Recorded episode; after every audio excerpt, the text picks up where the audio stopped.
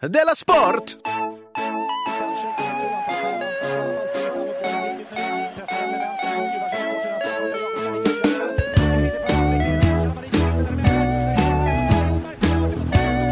Du lyssnar på Della Sport. Eh, Välkomna till eh, Della Sport, eh, Sveriges enda renodlade humorpodcast. Podcast säger vissa. Eh, jag vet inte hur det blir nu när vi har Della Art också. Ja, just För det är ju också en humorpodcast. Ja, men det är Della Monde. Välkommen Della till Monde. Della Monde. Så ja, bra. Världens enda eh, podcast. Och eh, eh, detta är eh, Della Sport i Della Monde. Med mig, Jonathan Fackap Unge, och med dig, K. Svensson. Ja, bra. Du, eh, ingenting görs av intet. Eh, så inte heller det här, den här podden. Vi kan ju leverera det här för att vi är sponsrade av Bethard. Exakt så är det ju. Vi är väldigt eh, glada för detta. De har också en, eh, ett Twitterkonto. Den otäcka trädockan tänker du på? Ja, precis. Eh, Pinocchio som har liksom tre stycken levande syskon. Eh, fyra till och med. Fyra, Eh, får man säga. Men Även om en är- inte är delägare. det är ju inte precis, det som konstituerar ett syskon. Nej, men skulle Eh. säga så här att tre är Giuseppes barn och det fjärde är en adopterat brorsbarn.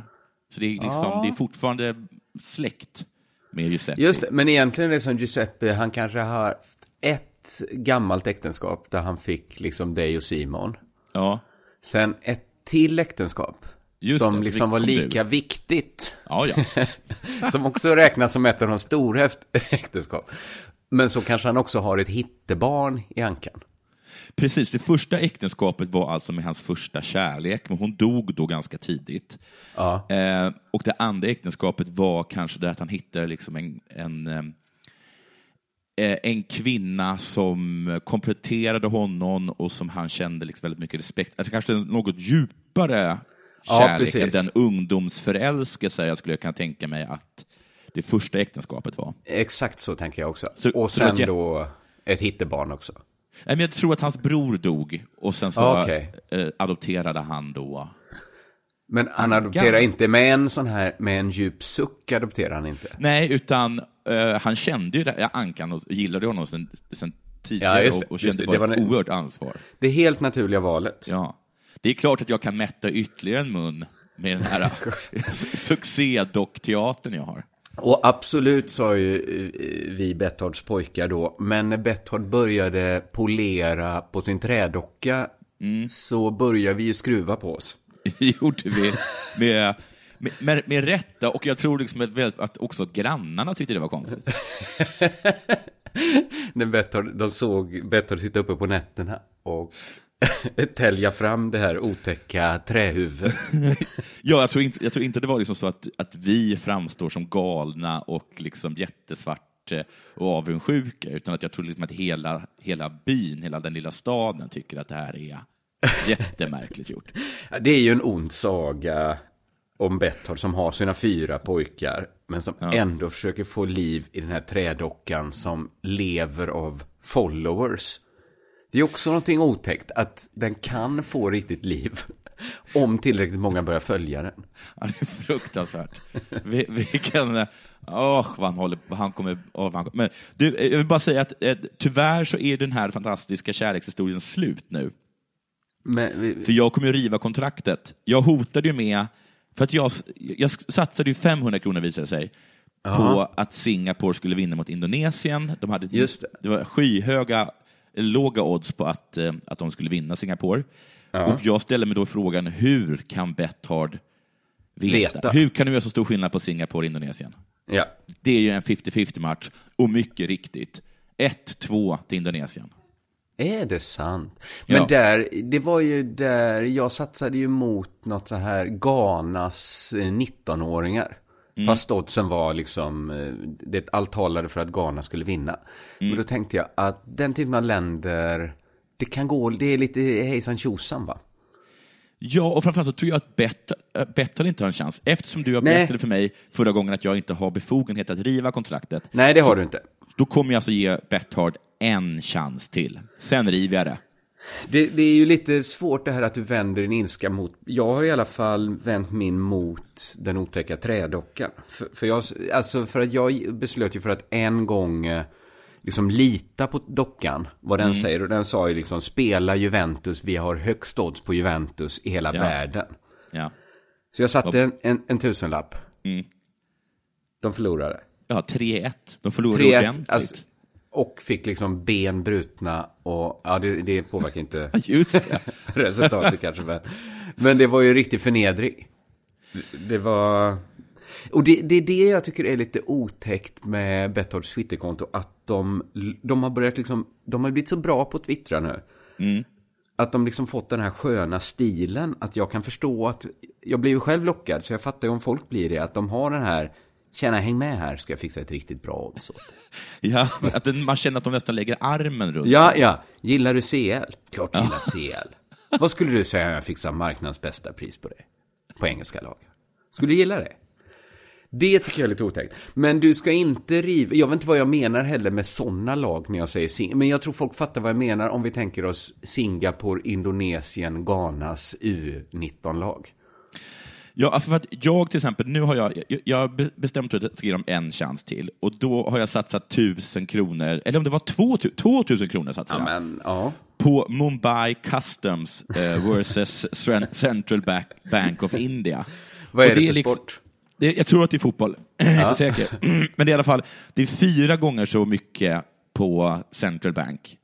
Alltså det, det är 1,58 på Mumbai Customs. Det är ju Och vad- två kassaskåpssäkra tussingar jag har satt där. Men vad satsade du? Du satsade på... På att Mumbai Customs ska vinna. På lågoddsaren i alla fall. Och Lågoddsaren, ja. Ja, jag har hela tiden gjort lågoddsaren. För jag trodde att du skulle ha lärt dig att du har ju hittat en glitch här. Att, att det är ju Ja. lika höga odds. Just det. Ja, men det är lika höga vågade odds på matcherna Ja. där Betthard har full insyn och kontroll. Alltså Ja. säger så här, eh, Liverpool Swindon. Ja. Eh, som då Bank of India Mumbai Custodies. Heter de så? Eh, eh, eh, Mumbai Customs mot Central Bank of India. Ja, ja, ja. ja. Jag För det här är ju också en 50-50 match. Ja. Ja. Bett har har ingen aning. Men du har ju inte fått ett 50-50 odds. Nej, fått mycket Nej. sämre. jag menar det. Så du har inte lärt dig någonting? Och... Nej, jag har inte lärt mig något. Nej.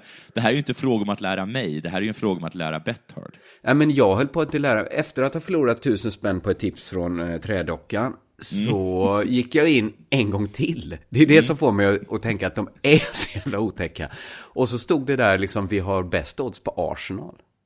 Helt plötsligt blev jag liksom, jag gick in direkt på Betthords sida och fick liksom slå mig på fingrarna och säga, nej, nu har jag lovat. Aldrig mer trä, trädockans odds. Så nu, nu du, då blev det att jag inte spela alls. Men du spelade ju för en hel familj nu å andra sidan. Ja, nu har jag spelat 2000 har jag spelat här för. Ja, det, det är ju mer än en, en vanlig svensk familj spelar för en vecka. Ja. Eh, Ja, okej. Ja, ja, ja. Har det hänt någonting sen sist? Jag håller på och flyttar. Ja, det har jag förstått. Ja, det är sjukt jobbigt tycker jag. Massa lådor lust- som inte räcker till. Ja. Mm, Och sen Men de man får köpa nya hela tiden. Jo, jag vet. Så verkar de lite... Sen kommer jag på hela tiden saker. Så ringer jag till flyttgubbarna och säger, just det, jag glömde också att vi måste gå upp på vinden fyra trappor och hämta ner 20 påsar böcker. Och då har jag sagt, jag vet att jag sagt att jag har böcker, jag har inte sagt var de är bara. Nej. Och då börjar det knorras liksom. Och så är jag det är ju- stressig. Och så Det är ju deras ta- jobb ju. Ja, men då menar de att det hade inte jag sagt då. Nej, nej, nej. Men, Nej. men du, du har väl sagt så här, vi ska flytta tills allt, tills det är tomt i min lägenhet och det är fullt i den andra. Nej, de frågade hur mycket behöver. det var. Och då sa jag kanske tio lådor och kanske lite stolar, lite böcker, jag vet inte. Ja. Ja, ja. Och det, det, nej, det, men det måste de väl ändå vara vana vid det här. ja. Jag tycker inte de ska knorra. De ska vara Sen glada efter- att de har jobb. Jag ska säga det till dem. Sen efter senaste eh, grejen, vårt, efter vårt senaste program så har det blivit en debatt på, all, all, på våra Twitterkonton om huruvida man får säga finne eller inte. Ja, men jag har sett det här. Jag är ju intaggad i vartenda inlägg. Men jag Ja. tänker att det är du som har kränkt en folkgrupp nu. Ja, precis. Jag. Men jag har inte sagt någonting. Det är som att det är en debatt som pågår där jag är intaggad, men jag tror att de börjar glömma bort mig. Att de, Ja. att de bara liksom twittrar för att de, liksom, de, de, de, sva- trycker bara på svara, och då är jag med. Men debatten jag. förs med, ja, förs mellan he, två helt andra personer. Så jag Ja. tror inte att det här drabbar mig på något sätt. För att det är ju lite en eh, blodtryckshöjare att se så här, oj, jag har 20 olästa meddelanden på Facebook de senaste fem minuterna. Vad Ja. har jag nu ställt till med? Eh, men så ser man då att det handlar om, eh, om man får säga finne eller Finländare. Ja, just det. finländare. Men jag visste inte att finne var ett så nedlåtande ord. Nej, jag visste inte riktigt det heller. Jag kan, nu när de säger det kanske... jag- Ah, fast jag vet inte riktigt. Är det lite som svenne? Att det är ju såklart nedlåtande, men det är inte så nedlåtande. Nej, för mig att det är inte som danskjävel eller norrbagge. De, Är de det som ju, Danne, kanske? Ja, Ja. ja, ja. För finnpajsare är väl en nedsättande ord? Ja, det tror jag det. Det tror jag det. Hade jag sagt det, och nu ska jag snacka lite om finnpajsarna, då förstår jag att man kan bli, bli sur. Eller finnjävlar. Ja, ja, ja precis. För att... Eh, jag Finnarslen trodde den, vad är den, den, den vanligaste diskussionen brukar vara mellan finlandssvenskar och... Finländare. Eller svensktalande finnar och så. Nej. Ja, just det. Ja, men det är det som är lite finnar, skillnad. Ja, mm. Det är en himla, vi går inte in i den. Vi, det var ju bara för vi diskuterade kväner och, Ja. eh, och samer och tornedalssvenskar i Delarte. Det, är- det är intressant att den vi då lyckas göra ledsna är finnarna. Ledsna och ledsna. Ja, ledsna. Alltså, det var en, li- en lite syrlig marginalanmärkning tar jag det här som er. Ja. Du, har det hänt något sen sist med dig? Ja, men inte så mycket. Men jag, eh, jag har liksom följt skandalerna i Sverigedemokraterna. Så jag tänkte jag kunde prata om det. Ja. Eh, har du gjort det? Det, det, det här då... Jag känner till Kent liksom. Han var ute och vevade. Ja, precis. Jag ska också säga, jag kollade om någon sån här video på, he, så här massa, eh, lång video från den här järnrörsskandalen och fick liksom Ja. tillbaks den här känslan att gud vad, vad liksom otäckt de verkligen betedde sig. Ja. Så, så, ska verkligen, så ska inte folkvalda politiker göra liksom. Nej. Eh, det var verkligen en skandal. Men nu har då skandalen varit att Kent Ekeroth lappade till en kille i en krogkö. Och då tänkte jag, i ljuset från andra skandaler som drabbat Sverigedemokraterna, så kände jag att den här är ju jävligt lam. Det måste vara den som drabbat dem minst. Ja, och ändå är den som verkar... För nu har han, han, han får inte sitta kvar där i justitieutskottet. Men menar, Det är- den, den lappen Det är många sådana pikanta detaljer. liksom. Ja, precis. Och jag vet så här, han är folkvald och man kan förvänta sig ett visst uppförande på ren social basis också. Alltså man behöver ju nästan inte säga så här att du som folkvald politiker borde inte, alltså rent, du som social varelse borde kanske inte slå människor i ansiktet. Nej.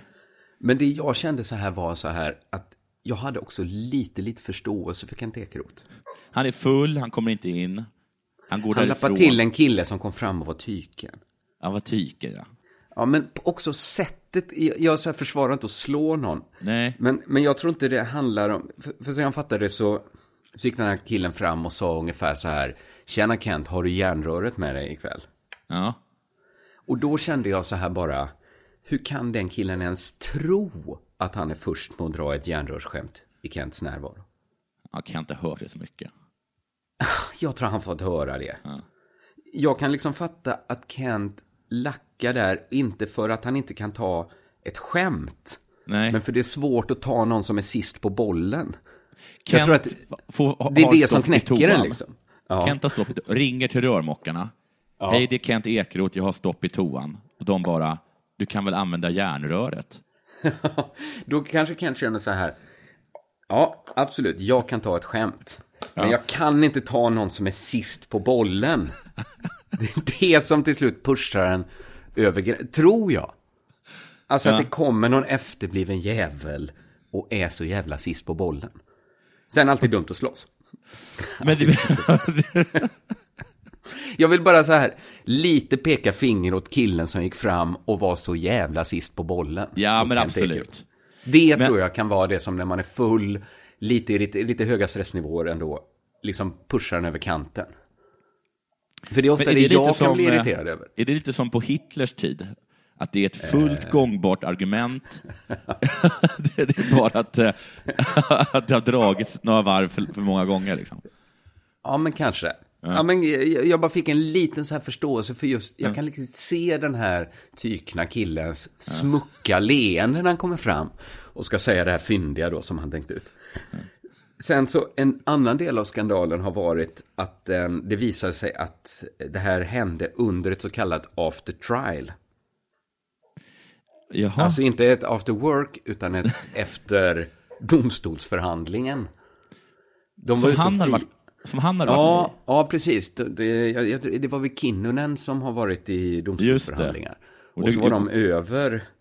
Och så har man liksom eh, lagt på det här som en extra krydda till. Det är ju en extra liksom kuriositet att, att detta också hände när de liksom firade att domstolsförhandlingar var över. Ja. Men, men då har jag känt så här att var det verkligen en extra krydda till skandalen egentligen?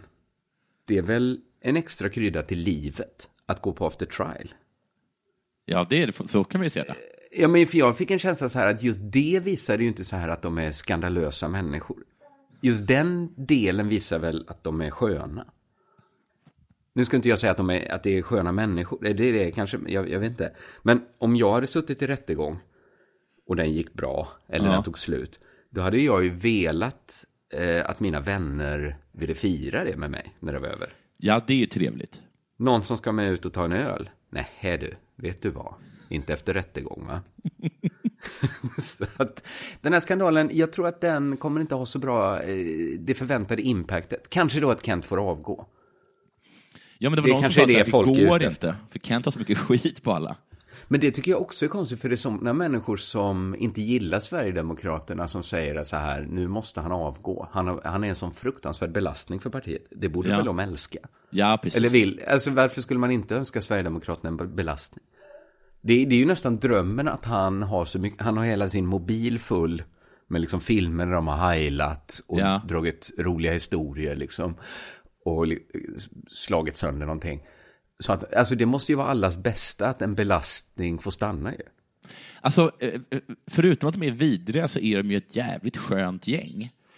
Eh, Det är ett, lite det den här skandalen signalerar tycker jag. Ja, ett gäng, ett gäng glada grabbar eh, som gillar, som gillar och, och kostym och, och Ja. kan knyta slips, va? Just. Eh, får plötsligt hipp som happ, eh, sådär, vad fan får de? 60 70 000 kronor i månaden. ja, Lägenhet precis. mitt i stan. Ja, Alla är singlar. ja. Eh, håller ihop i vått och torrt. Det kanske är den stora, det är kanske det man skulle lyfta fram egentligen, att varför händer det här så sällan? Ja, jag skulle Vad- säga att det här, är, det, här, det, här kan, det här kan bli en, så här, en jag vet inte, Gäller Tammas-film, men det kan också bli en sorts bromance-rulle. Liksom. Ja, precis. Nu, blåser Ja, men- vi, nu blåser vi staten eller något sånt där. Ja, precis, det är kanske det. Blåser vi staten. Nej, men jag vet att det blåser vid snuten. Men jag bara menar att de, de bara åker upp hit och plötsligt liksom kan inte fatta att de har liksom supervälbetalda jobb och eh, liksom fester på Stureplan och, och liksom vadå eh, beställa in eh, en drink till? Det, går väl, det, är väl inga, det är väl inga hål i de här byxfickorna? Nej, Klart precis. jag tar det.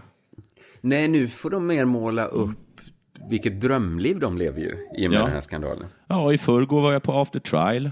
Idag är jag på, Supertrevligt. idag är jag på after arrestet. Undrar om de har sån after uteslutning. Det tar ju aldrig slut med såna afters. Eh, nej, jag vet inte vad jag ville säga. Jag blev bara eh, lite så här... Men ibland blir man ju, vissa av Sverigedemokraternas eh, skandaler eh, känner man ju så här att, ja men den här känns ju regisserad av dem till och med. Det här är Ja. kanske bara för att få uppmärksamhet. Vissa är ju så här, ja nu visar de sitt rätta ansikte då. Ja. Men den här kanske var lite mitt emellan. Okej. De visade sitt rätta ansikte och det var ganska skönt. Vad hette han som var riksdagsledamot som satt i rullstol och, och åkte superpackad fram till någon vakt på, på riksdagen, skrek svartskalle åt honom och sen ramlade? Jag pratade om det här i rad. Jag jobbade på Tankesmedjan när det hände. Jag har glömt vad han hände. Det, hette, Det var, något finns väl- namn, va? Det tror jag mer är så här att den bilden vill de väl inte signalera. Det var också en så här, man märkte så här, det var så mycket fylla i den historien att han skulle bara hämta sin väska. Eller något sånt här. Ja, jag, tjat. I min fantasi så visste han om att han hade en flaska Mendori där. var därför han behövde den så jävla fort. Va? Och vakten bara, nej du får hämta den på arbetstid. Men bara, men va? Klockan är tre på natten, jag sitter i rullstol, jag vill att festen fortsätter, allting är stängt, kan jag få min flaska Mindori? Men det är väl det som är grejen, att de alltid har en väska med en flaska sprit och en hårddisk full med filmer när de ollar varandra i ansiktet som de behöver ha för sin fortsatta politiska karriär. Och den väskan är alltid med och de är alltid fulla och den kan alltid komma bort. Det är därför man ser dem så mycket ute, för det är alltid någon som har glömt sin väska någonstans. Ja, jag hade förresten någonting som hänt mig kom jag på nu. Ja. Att jag var ute och skulle handla mat eh, till min familj. Och så kände jag så här, fan det var för en gång skulle lite fint väder så jag tog en extra liten lång promenad. Gick förbi en eh, bar och smet in och satte mig och så drack jag en eller max två öl där. Ja, Bara för jag kände, fan man får ju också passa på när man väl kommer ut. ja. Eh, Så kom jag hem och hade lite så här, fan också, nu var jag borta kanske två timmar och handlade här. Det var väl inte så snyggt. Börjar få lite dåligt samvete för att min fru håller ju då på att renovera andra halvan av lägenheten samtidigt som hon tar hand om eh, vårt barn då när jag är ute och handlar. Och liksom, då är det som ett par änglar stiger in i min lägenhet när jag ser att mitt barn ligger helt ensam i den övergivna delen av lägenheten. ja. Dörren till den andra lägenheten har blåst igen. Så att min fru har liksom lämnat vårt barn ensam och står och målar i godan ro och skulle absolut inte höra om barnet vaknade. Och jag bara kände yes. det var en sån... Jag, jag, jag, jag hade ju inte... Jag hade egentligen inget att ha dåligt samvete för, för att jag hade sagt att jag kanske är ute en stund nu när jag handlar. Men jag kände ändå det här pyttelilla gnagande, så här, det var ändå inte så bra gjort. Du Direkt kommer, hem och ser din, du kommer hem och ser din fru skaka ditt barn och det enda som händer med dig är ett stort leende. så, så en himla värme att se mitt barn ligga ensamt där. Och, eh, hon sov ju. Det var ju. Hon hade inte ens märkt att min fru eh, glömt att hon fanns. Men, men jag kunde liksom lyfta upp henne och gå in till den andra lägenheten och, säga bara- så. Nu, är- jag är här nu, mumlade jag liksom långt innan jag ens mötte min fru. Nu är du inte ensam längre. Du, Så öppnade hänt. inte dörren och sa, men du då? Ja, det, detta var ett axplock av vad som hänt sen sist. Ja. Bra, då är det dags för det här.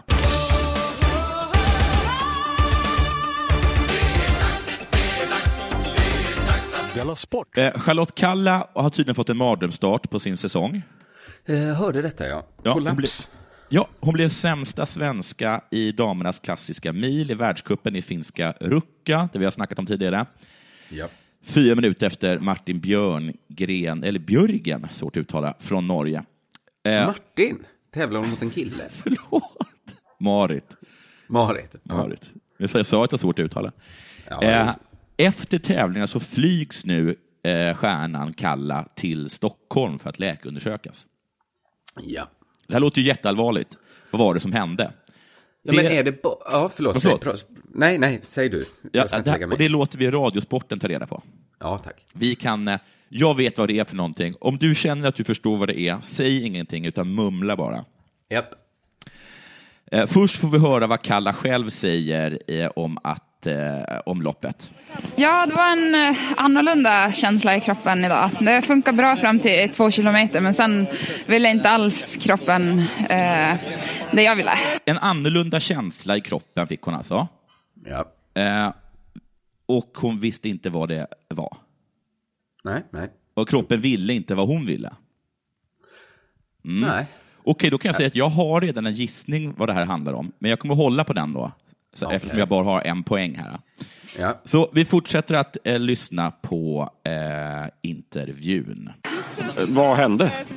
Jag vet faktiskt inte. Alltså, jag har inte känt så här tidigare. Så, eh, jag får sätta mig ner här med lite distans till det och utvärdera vad som var. Hon har inte känt den här känslan tidigare och hon ska nu, eh, hon har alltså inte upplevt den någonsin och den är konstig och den måste eh, utredas. Eh, vad mer eh, Radiosporten? Men du är frisk, tror du? Ja, alltså, Hon är frisk alltså. Så vad är det då för känsla Radiosporten eh, försöker förstå? Var det musklerna som stumnade eller var det flåset som inte funkade? Eller vad? eh, ja, det kändes som att syran hittade hem i benen väldigt fort där. Bena blev liksom lite tunga. Så en snabb eh, eh, summering. Hon är inte sjuk, men hon har drabbats av en känsla som Kalla aldrig har upplevt. Kroppen gör liksom inte som man vill. Man blir tung i benen. Jag tror att det är trött. Ja, precis. Och känns, alltså det hon, hon sa till kroppen så här, åk snabbare. Kroppen svarar inte på den. Nej, och det, Det- tycker det- jag för det- låter Det precis stämmer ju in på din diagnos. Ja, ja. Eh, Det- det... är liksom, det, är liksom, det, det är liksom min första analys av det jag har hört, att hon är helt enkelt trött. Och om man då lägger till att hon var sjuk förra veckan samt att hon precis åkt ett skidlopp, så tycker jag att allt pekar på att hon är trött. Ja, jag tycker också det är liksom eh, svaga skäl att skicka någon till läkare att man är sämst av svenskorna. För någon Det- kommer ju det- alltid, av svenskorna kommer någon av svenskorna alltid vara sämsta svenska. Det är det absolut. Men Ja. också liksom, är det som att hon har aldrig varit trött. Det är därför hon blir så himla förvånad när det inträffar. Det är som Mm. om man i 30-årsåldern får sin första orgasm, eller nyser kanske. Ja, just det. Shit, vad var det där? Ska man antagligen säga då. Jag måste nog flyga till Stockholm och undersökas. Men det behövs ju inte, för det var bara en orgasm. Och en nysning. Det, Sånt där går ju över. Ja, det hoppas man att någon kunde säga till en. Ja, precis. Men försök att säga det till Kalla. Lyssna bara här hur förvånad hon låter. Är du orolig? Eh, förvånad. Jag hade inte trott att det var den här känslan som kroppen... Men ja, man slutar aldrig förvånas. Hon kan liksom inte fatta, hon kan, hon kan ta in det, vad knäppt livet är, man är trött. Hur som helst verkar ingen vara lika orolig som Kalla. Förbundskaptenen Rickard Grip är inte orolig efter Kallas svaga premiär, står det eh, på Radiosportens hemsida. Absolut inte. Det är något som inte funkar idag och så har man det ibland på jobbet. Vi får analysera det i lugn och ro efteråt, men jag känner nog mig inte ett dugg orolig, säger han till Radiosporten. Och det gör jag ju inte eftersom han har själv varit trött och vet att trött är någonting fullkomligt normalt som går över med tiden. Jag tror det är en väldigt bra och viktig reaktion han har. För Ja. om man nyser för första gången när man är 30 år, Ja, då, då tror jag det är viktigt att omge sig med människor som liksom inte skriker. Det kan vara din själ som liksom flög ur kroppen nu. Vi måste gå till en exorcist. Eller liksom, utan att det är någon som säger så här, det, det där var säkert bara en, en liksom reaktion på att det kliar i din näsa. Nej, precis. Vad var det du sa? Att du upplevde någonting skönt men lite konstigt. Det liksom krampade och sen släppte det. Det, det, låter som att du måste åka till Stockholm. Då är det precis så, exakt som du säger. Jag kan tänka det påminner lite om den där scenen i Törnfåglarna, när det här lilla barnet berättar att den snart ska dö, för att, eh, det lilla barnet, så lite kan det inte vara, för att hon blöder liksom mellan benen. Och den här Ja. katolska prästen då, ska man ju kunna tänka, reagerade liksom s- som en, som en, en, en galning. Men gudskelov reagerar då precis då som förbundskaptenen Rickard Grip, att jag är inte orolig, för jag är Nej. ganska säker på att det du talar om är mens. Eh, och det är liksom ingenting man behöver flyga till Stockholm för. Nej, Nej. precis. Det här påminner mig om en historia om eh, Lars von Trier. När han var liten så hade han så här eh, panisk eh, dödsskräck. Ja? Han, han trodde att varje gång han gick och la sig så skulle han liksom eh, dö i sömnen och inte vakna mer. Nej? Så han frågade sin mamma, kommer jag dö i natt? Ja. Och då svarade hon alltid, det finns en risk, men den är inte stor. Vet att exakt så är jag i mitt föräldraskap. Jag säger det inte, men jag överväger alltid om jag ska säga så. Ja, men det beror nog på vad du vill ha för typ av eh, vuxet barn. Jag kommer alltid ihåg, min mamma har ju massa olika rädslor. En av dem är att vi åkte liksom alltid tåg överallt för hon var flygrädd. Och sen, då, då sover man, då tar man liksom nattåget över till Tyskland om man ska, om man ska till, ut i Europa. Ja, Och då åker liksom tåget på en, eh, på en, eh, på, på en färja och sen sover man liksom där, för det är mitt, det är mitt i natten. Ja men Och- gud vad lång tid, för det här har jag ju gjort från Malmö, men ni gjorde alltså detta från Stockholm? Ja, precis. Oj, oj, oj. Ja, och då, eh, då... Mamma tycker inte heller om båtar. Eh, så då kunde det vara som han vaknade och så ser man hur mamma håller på att klä på sig. Och så säger man så här, och då är hon en sorts blandning av Lars von Triers mamma. Man säger så här, varför går du upp? Hon bara, mamma är så dum, och ni anar inte hur fånig mamma är. Men mamma klarar inte att vara i den här, mamma får en känsla av att hon ska drunkna som en råtta om det händer någonting. Och det är bara mamma som är ett fånigt våp. Men jag går upp eh, i kafeterian, som då är över liksom vattenlinjen. Eh, men, men stanna ni, det är bara mamma som är dum. Eh, stå bara inte ut och var i den här graven av stål. Eh, Så, så det är bara mamma som är dum. Jag är bara babba som... Ja. Eh, ja, men eh, vad skönt att de har eh, behandlat Kallas kollaps då så vuxet.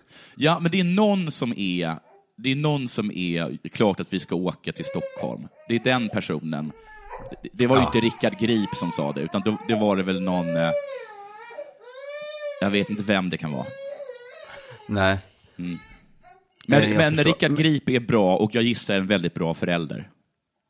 Ja, det, det låter ju så. Ja. Men stackars Kalle. Men också vad det säger om vad ovan hon är vid att förlora och vara sämst bland svenskarna. Ja. Ja, det måste ju vara det, för hon har ju varit dålig i andra lopp, bara att det är så himla konstigt att hon skulle vara sämre än de här andra superkassarna. Ja, men den svenskan som brukar vara sämst måste ju känna så här. Första gången hon slog Kalla då, då måste liksom alla reagera som att som att Kalla ska flyga liksom akuthelikopter till Stockholm och undersöka vad för tokigt som kan ha hänt. Vad är det för liksom ny sorts bacill som har drabbat Kalla? Precis, och liksom att man har känsla av att svenskarna direkt tar henne och börjar liksom blod, eh, kolla henne efter bloddoping. Du lyssnar på Della Sport.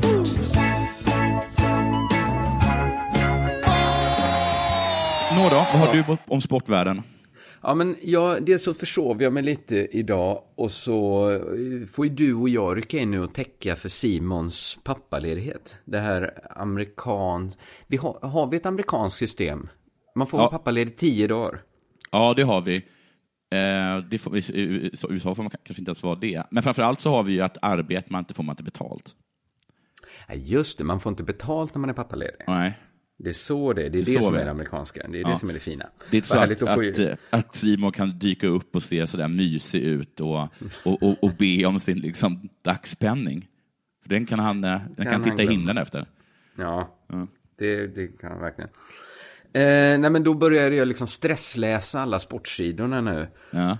Och så fick jag kanske ett lite så här orättvist irritation mot sportjournalist som man kan få ibland när man läser. Alltså man är ju själv inne, det är man själv som har gått in i deras land och läst deras texter liksom. Så Ja. egentligen, men det, det är liksom ibland bara när man är så här lite yrvaken, man känner så här, jag har en sån utanförblick nu, jag är inte med på det här, varför ska, måste jag tolerera alla konstigheter ni håller på med? Så var det ungefär alla nyheter jag läste. Jag började läsa om att Sverige har spelat handbollslandskamp, träningsmatch mot eh, Tyskland. Det är damerna som har spelat. ja. Båda matcherna slutade lika, men den ena, den ena slutade 22, nej, 24-24 och gav mersmak. Den andra slutade 28-28 och gav en sur eftersmak. Jaha, det lät som det var... Men Man tycker det är samma sak, men då i 28-28 matchen så hade de tappat en eh, 10-poängsledning. Ja, ja, ja. Men jag tänker, den sura eftersmaken kompenseras väl av den söta smaken från första halvlek när de ledde med 10 mål? Ja, så Det det blir väl man ändå- aldrig. Nej, jag tycker att det blir väl ändå exakt samma sak. Ja. Alltså oavgjort och oavgjort. Det finns ju tre sätt man kan få oavgjort på. Ja. Antingen att det är lika hela matchen. ja, det är svårt. Eller att man leder och så eh, vinner de andra en poäng. eller så ligger man under och kämpar sig själv till en poäng. Men egentligen, om man är om man liksom är en vuxen människa så inser man väl att lika är lika. Jo, jag vet, men det där är så himla svårt. Jag kan Ja, tänka det är svårt, Mig att, det. Jag kan tänka mig att, då, att, att tyskarna då, när det, när det var över, så gick de fram kanske till någon svensk och sa haha, eh, vi Ja. hämtade in en tiomålsledning. Och då försökte svenskarna säga säkert, ja men vadå då, vi ledde ju med tio mål i Ja. halvlek. Liksom.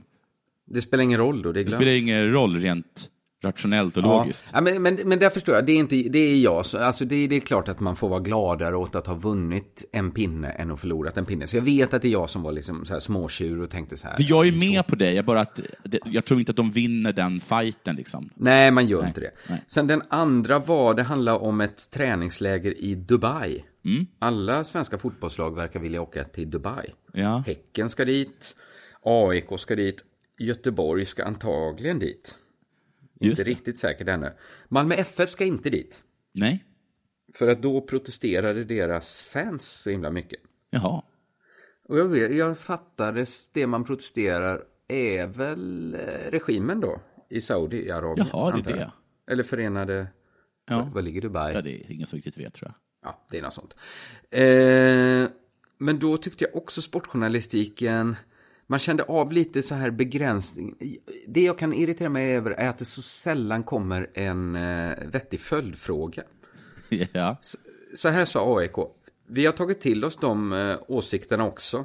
Alltså det är då som fick Ma- Malmös, eh, Malmös sportchef, eller vad han är, Daniel Andersson sa, det är klart vi vägt in det, alltså fansens protester. Vi Ja. lyssnar på våra medlemmar, vi är en medlemsstyrd förening. Då sa AIK, vi har tagit till oss de åsikterna också. Alltså att det handlar om en diktatur då, antar Ja. jag. Vi har kontaktat UD och lyssnat på deras rekommendationer. Vi tar inga andra beslut än de som fattas av myndigheterna. ja så. Ingen extra fråga på det. Har verkligen UD rekommenderat AIK att åka till Dubai? Det låter ju som det. Men, Men det har de har de väl sagt. sagt så här, Ja. det finns ingen, liksom, det är inte förenat med livsfara att åka till Dubai. Det är ju ett populärt semestermål numera. Det är absolut inte farligt att flyga till Dubai. Men trodde AIKs sportchef att AIK-fansen inte ville att de skulle åka till Dubai på grund av att det kanske skulle vara farligt för dem? Ja, Jag vet inte riktigt vad UD kan ha sagt, men jag tror inte UD, om de har sagt så här, ska vi åka till, vad- UD, vad säger ni? Ska vi åka till La Manga i Spanien som vi brukar göra? Eller ska vi åka till Dubai? Vad rekommenderar ni? Det är ju inte så det har gått till. Ja, Vi brukar alltid rekommendera Dubai för att de har sådana faciliteter där så att det är helt underbart att spela fotboll i Dubai. Jag tror att UD har tröttnat så mycket på AIKs frågor att eh, det där har de sagt åt att växeln får sköta. Ja, Det, det, det, kan är, ingen, det är ingen som kopplar, eh, kopplar AIKs sportchef längre till, eh, till, till någon på UD, utan det är liksom den liksom office-anställde som, som snabbt får, får ta ett, ett beslut. La Manga. Ehm, Mats Gren i IFK Göteborg säger Vi har gjort vår research när det gäller Dubai och vi känner oss trygga med att åka dit. Det är återigen liksom att de verkar trott att det handlar om eh, den personliga säkerheten i Dubai. Jag Ja. tror inte det är det Malmös fans protesterat mot. Att, att det liksom är för farligt att vistas på en träningsanläggning i Dubai. Sen säger han också, Dubai har även rättat till vissa saker. Det kommer ingen följdfråga på vilka de här sakerna är. Eller om de verkligen har rättat till vissa saker. Vårt beslut åka dit eh, går även hand i hand med saker som Elisabeth Anderton, vår CSR-ansvarige, jobbar med. Och det är, är alltså det? Den som jobb... det är den som jobbar med samhällsansvaret. Jaha. Inga följdfrågor på det heller. För en sak tycker jag är att man liksom skiljer på idrott och politik och säger Ja. så här att ja, men det kanske är en diktatur och det kanske inte är så soft där. Men att säga att det går hand i hand med vad deras samhällsansvarige arbetar med. Det tycker jag ändå liksom manar på en följdfråga. Ja, verkligen. Och det där På första... vilket sätt går det hand i hand? För det tycker jag är att stretcha det. Ja, för att, nu får man, bara, får man bara gissa allt. För I det första, liksom, vad som har rättat till, är det att de har, liksom, att de har, att de, att de har beslutat sluta upp med summariska avrättningar? Eller är det att de har liksom fixat ett extra duschutrymme? Ja, nej men man vet inte det. Nej. Och För det att- andra är alltså i så fall, vad menar de då? Ska AIK-arna då gå omkring som sorts demokratiaktivister? Då kan jag tänka mig att det går hand i hand. Att hon, Ja, om det är Elisabeth, har att liksom liksom- ordnat eh, en parlör där de, där de kan skrika liksom jämställdhet på, på arabiska. Ja, precis. Det skulle väl vara det då, att de åker dit som aktivister lite mer då. Ja. Men det brukar ju, alltså, det var ju aldrig när man skulle stoppa så här eh, Davis Cup eh, i, eller liksom spela tennis mot Sydafrika och sånt där. ja. Så var det ju alltid att, nej men gör inte det, för att bara att spela mot dem ger eh, legitimitet. Det var ju aldrig någon som sa så här, men vi åker ner med en palör. Nej, All, alla är lika. Nej. Vi gillar olika. Det fanns ju inte. Nej, men man undrar, men det är det som är lite tråkigt med Sportnyheter tycker jag, att eh, de slutar fråga när de fått svar på en fråga. Ja. Det är alltid som sportjournalister behandlar ett svar på en fråga som liksom ett slutgiltigt svar. Och det, det tycker jag gör det lite, för att själv blir man ju nyfiken där. Vad är det som går hand i hand med, med Elisabeth Anderssons arbete med samhällsansvar? Att åka till Dubai. Sportjournalister skulle bli superdåliga åklagare. Ja, Ja. det skulle Vad var Du, du, vet du- natten mellan den fjärde och sjätte? Hemma. Tack för mig. Tackar. Tack. Det var, var det allt? Det var allt? Ja, men lite så ändå. Eh, vet du vad jag kom på nu förresten? Nej. Jag lämnar det här ämnet nu, för jag måste gå ut med samhällsinformation. Jag skulle Ja. ha gjort det mycket tidigare i podden. Eh, men min och Thomas Högbloms föreställning Manifesto-manifestet. Den Hur går det med Göteborg? Den, det, det är flyttat i Göteborg. Vi skulle egentligen haft premiär den första december i Göteborg på Kajsa Warg. Men Kajsa Warg har blivit av med utskänkningstillståndet. Och därmed fått lägga ner sin verksamhet. Och det börjar bli för fipp. Vi ska skicka ut, eh, nu är ju Simon på pappaledighet som sagt, så jag får skicka ut mail till alla som köpt biljett. Ja. eh, Och förklara det här. Men premiären blir istället den 2 december i Stockholm på Bonden bar klockan 19.00. Snyggt Biljetter så. finns kvar. Biljetter bra. finns kvar. Du, när, när kom barnet? Var det i... Eh, Simons barn kan det ha kommit. Kom det i lördags? De eller? lyssnade på vårt senaste avsnitt när de låg inne. Jag tror det kom i lördags då. Ja. Ja, det var, just det, var ju fredags, ja. det var- därför du hoppade in. Så vi, Just säger, det. vi säger lördags då. Då Ja. är det en vecka, jag ska bara räkna ut när han måste vara tillbaka. Ah, ja, jag skickar en lapp till honom. ja, han tvingade mig bryta min pappaledighet kanske efter två dagar. Äh, tackar jag. Ja. Ja. ja, vi får se hur detta går. Eh, Roligt för Simon och Kristin i alla fall. Ja, jättesöt unge också. Ja, det var det verkligen. Verkligen söt. Ja, eh, tack Betthard för att Japp. ni eh, gör detta möjligt tillsammans med oss. Eh, fuck Trädockan och så hörs vi igen på onsdag i Dell'Arte. Ja, det är det. Blir, blir det du och jag igen? Ah, ja, jag tror det. Ja, eller tar vi, vi kan kolla man kan, kan kanske. Ja. Ha det bra, du. Ja, Ha det bra, ja. Hej. Denna sport görs av produktionsbolaget under produktion.